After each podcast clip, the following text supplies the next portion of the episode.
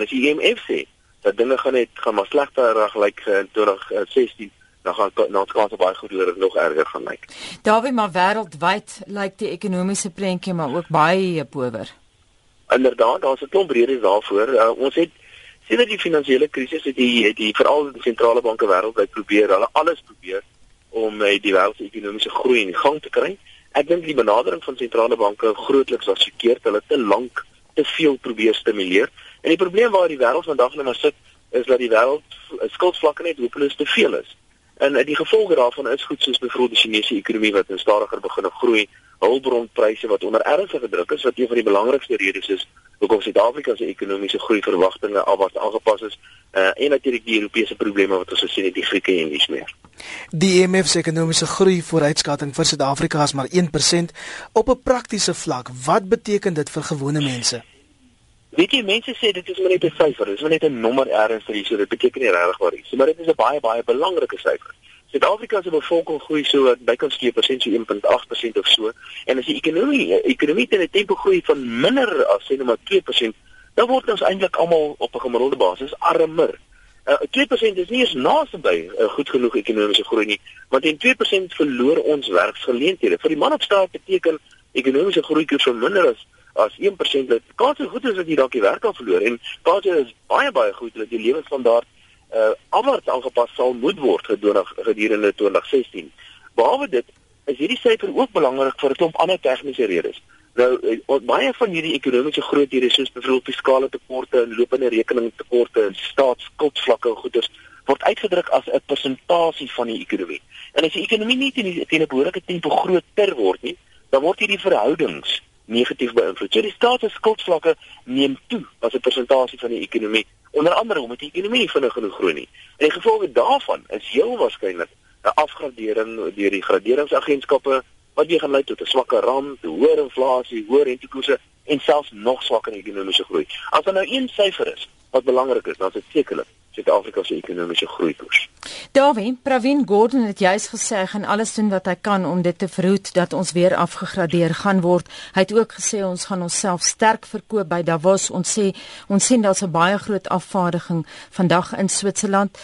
Dink jy hy kan tog die knoop vir ons deurhak? Wel, ek glo nou net nie die president gaan te veel sê nie, maar ek is bevrees, ek is nie baie optimisties dat hy veel gaan regkry nie. Die realiteit is wat Pravin Gordhan se se se plig is as minister van finansies. Hy moet een van twee goeders doen. Dit is regtig so eenvoudig as dit. Hy moet staatsuitgawes besnoei en daar's twee plekke waar hy dit kan potensieel besnoei. Daar's baie plekke natuurlik, maar twee groot plekke. Hy moet staatsamptenare minder betaal of direk of indirek deur hulle minder verhogings te gee oor tyd of hy moet die sosiale uitgawes verminder. Dit is eintlik maar die enigste twee groot uitgawe-items. Soos uh, polities gaan dit bitter moeilik wees om te doen. Die ander ding is hy moet belastings hoog. En die oomblik as die belastings hoog gaan dit nou weer allerlei implikasies hê op ekonomiese 'n groei vooruitsigte. En behalwe dit is die die die die die, die ideologiese boodskap wat ons van die regering kry, dis nie 'n baie positiewe uh, boodskap nie. So ek is bevrees polities gaan dit bitter moeilik wees vir Pravin Gordhan om hierdie skip om te draai en ideologies is die boodskap wat hulle uitdra nie die boodskap wat beleggings beleggers wil hoor nie. En dan het ons nog die droogte ook. Die droogte gaan natuurlik nou 'n hele ou spulletjie nog uh, heel wat vererger. Ons en hierdie goed het natuurlik alles spoel oor uiteindelik uh, en dit het baie groot sosiale impak. Ons weet byvoorbeeld verlede jaar wat die studente gemarseer het en baie diens, uh, mense het het, het uh, optogte gehou teen diensverskaffing uh, en dies meer. Dink nou net as hierdie mense ook hierdie jaar in die strate gaan loop, hierdie keer is hulle honger ook. Davie, die wêreldekonomiese forum begin vanoggend in Davos, Switserland. Wat dink jy gaan Suid-Afrika daar regkry?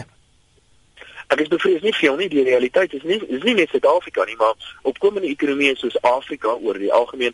Uh maar maar maar hoofsaaklik maar ook ekonomieë wat hulp wat afhanklik is van hulpbronne soos wat Suid-Afrika die geval is is op hierdie stadium nie vreeslike gewilde beleggingsbestemmings nie. En die rede daarvoor is eenvoudig te doen met die feit dat hulpbronpryse die afgelope tyd baie keer baie onder druk was. Behalwe dit het Suid-Afrika die afgelope tyd baie deurgeloop uh, deur bitter bitter negatiewe publisiteit uh, deur onder andere uh, koerante soos die Economist. Dit is 'n dit is 'n baie is 'n toonaangewende internasionale publikasie en as hulle baie negatiewe goed skryf oor Suid-Afrika wat tipies gebeur, die mense sê nee wat.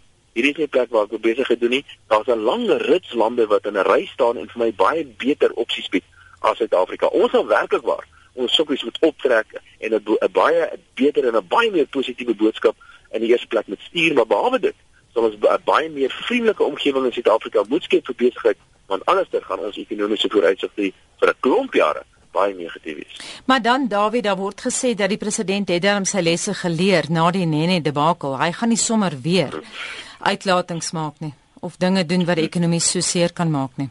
Wel, kort na die Nene debakel het hy klop die ander dinge ook gesê. Nee, ek is bevrees. Ek dink uh, president Zuma het het het 'n las geword vir Suid-Afrika. Ek dink president Zuma is hy hy vergestald uh die uh, uh, uh die regte die Engelse woorde vir is 'n incompetent um uh staatsdiens en dit is wat president Zuma vergestel en wat my betref die een enkele grootste bedreiging vir die Suid-Afrikaanse ekonomie is 'n staatsdiens in al sy fasette plaaslike owerhede provinsies nasionale owerhede en veral die staatsbeheerde organisasies wat in duie stort en hierdie ekonomie daarmee saamtrek. Behalwe dit het ons het ons 'n politieke leierskap wat ideologies heeltemal verward is. Ek is bevrees hier is baie baie werk om te doen. Dit is nie net 'n geval om die regte dinge te doen nie, maar dis ook 'n geval om mense se vertroue terug te wen en vertroue is ernstig geskaad.